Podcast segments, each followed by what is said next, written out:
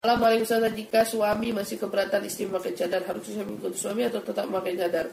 Berusahalah memberikan penjelasan yang jelas kepada suami, meyakinkan dia sampai keyakinan itu ada, baru kemudian kau pakai.